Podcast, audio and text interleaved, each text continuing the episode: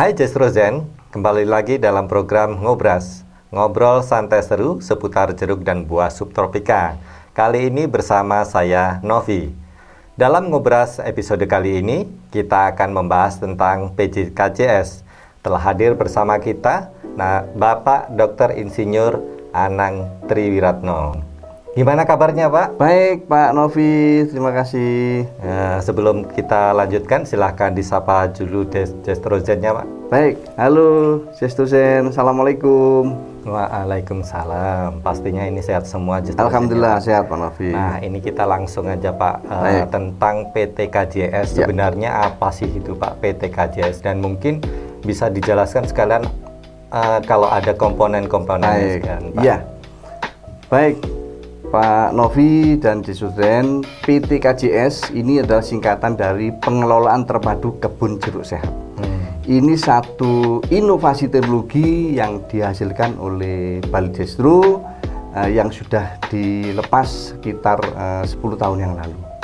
Jadi uh, munculnya atau uh, diterbitkannya inovasi teknologi ini Pak Novi hmm. ini adalah menjawab bahwa uh, serangan penyakit uh, sistemik di tanaman jeruk di Indonesia itu uh, merugikan nil, uh, merugikan cukup besar bagi pelaku-pelaku agribisnis tanaman jeruk. Nah, Kemudian ada satu inovasi yang disebut dengan pengelolaan terpadu kebun jeruk sehat ini.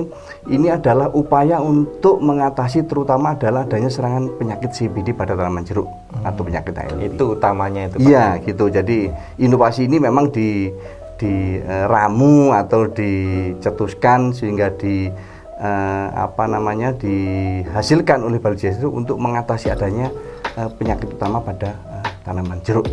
Nah, jadi kalau kalau pertanyaannya tadi ada berapa komponen dari paket PTKJS ini? Ya, ya. Yang pertama untuk mengendalikan penyakit sistemik terutama CBD, yang pertama adalah menggunakan benih jeruk penyakit. Jadi Komponen pertama ini benih sumber penyakit adalah benih yang induk dan e, keturunannya ini adalah bebas dari patogen sistemik.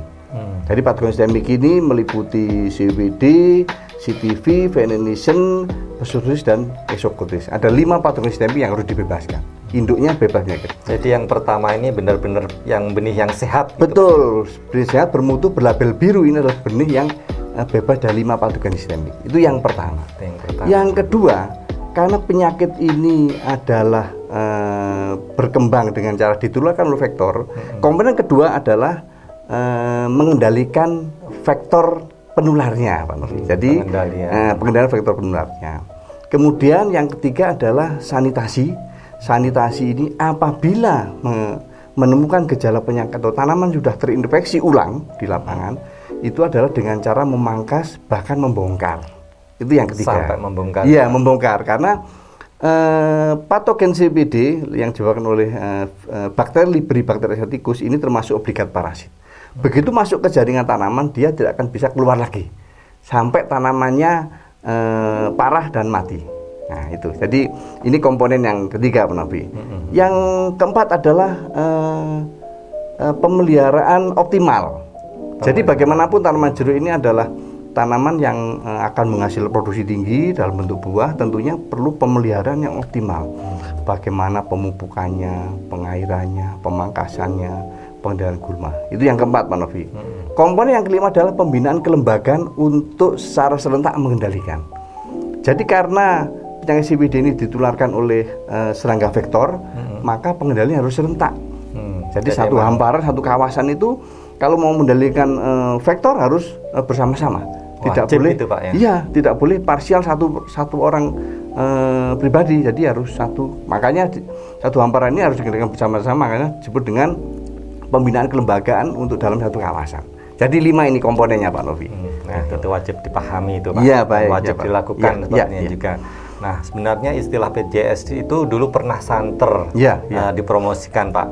Kenapa sekarang ini kayaknya sudah jarang terdengar Pak? apakah emang itu uh, apa ada konsep baru ya, atau ya, mungkin ya. ada plus-plusnya itu pak? Iya baik. Jadi gini, uh, dalam era awal kita memunculkan inovasi teknologi PTKJS, hmm. ini kita gencar me mengenalkan gitu Pak Ya. ya itu hal baru 10, 10 tahun lima tahun yang lalu kita sampai PTKJS ini ada dengan lima komponen itu nah dengan berkembangnya waktu mungkin pemahaman mulai meningkat orang tidak lagi memulai dengan PTKJS tapi sudah menerapkan. Jadi tingkatnya ini sudah tidak di- dimulai dibicarakan lagi. Oh, gitu Pak Novi. Jadi oke. jadi eh, kalau dulu kita mengenal di masa-masa kita kecil itu ada namanya misalnya empat sehat lima sempurna. Mm-mm. sekarang udah udah udah diucapkan lagi tapi sudah dilakukan dilaksanakan. Sehingga PTKJS itu sekarang pada eh, porsi sudah sudah sudah dilaksanakan di lapangan jadi sudah tidak diulang lagi lah kalau memang ada pembaruan ada memang plus. Ya Pak Novi memang ada. Sudah kita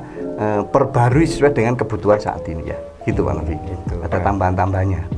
Nah, eh, sebenarnya untuk PTKJ sendiri sebenarnya realistis nggak Pak diterapkan oleh petani daerah? Atau mungkin itu hanya diterapkan untuk skala besar? Jadi dalam 10 tahun terakhir tadi kembali ke kenapa sudah tidak diulangi lagi. Sebetulnya sudah diterapkan Pak Nah. Ya. Jadi dalam pengembangan eh, tanaman jeruk oleh kementerian lembaga, oleh stakeholder pelaku AGB ini itu sudah melaksanakan eh, PTKJS itu. Ya mungkin tidak diulang. Jadi siapa pun, jadi di manakah PTKJS bisa diterapkan? Itu mulai dari petani perorangan, stakeholder kawasan, perusahaan, eh, negara, perusahaan swasta, eh, semuanya bisa menerapkan. Nah, memang eh, dalam pelaksanaannya kenapa ada satuan terkecil pembinaan kelompok itu adalah eh, kelompok tani, Pak Novi. Jadi Oh, gitu. dalam eh, menerapkan PTKJS adalah konsep kebersamaan dalam pembinaan kelembagaan dalam satu kawasan yang satuan terkecil adalah kelompok tani.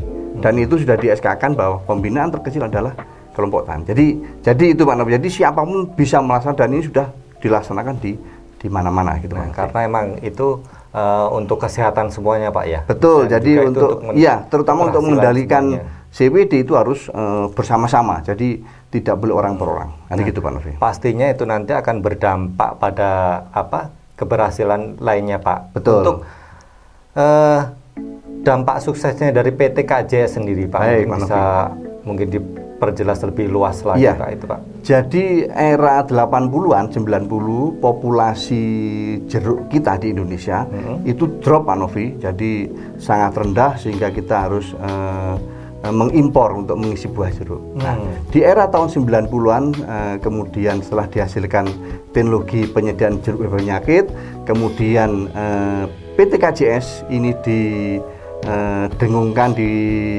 apa dipromosikan dan dilaksanakan itu eh, mulai eh, kelihatan hasilnya itu eh, dengan eh, salah satu dampaknya adalah kalau populasi jeruk Indonesia waktu sempat jatuh eh, jumlahnya eh, sekarang sudah kembali di atas 50.000 ribu eh, hektar. Wah, sudah jadi iya jadi ya.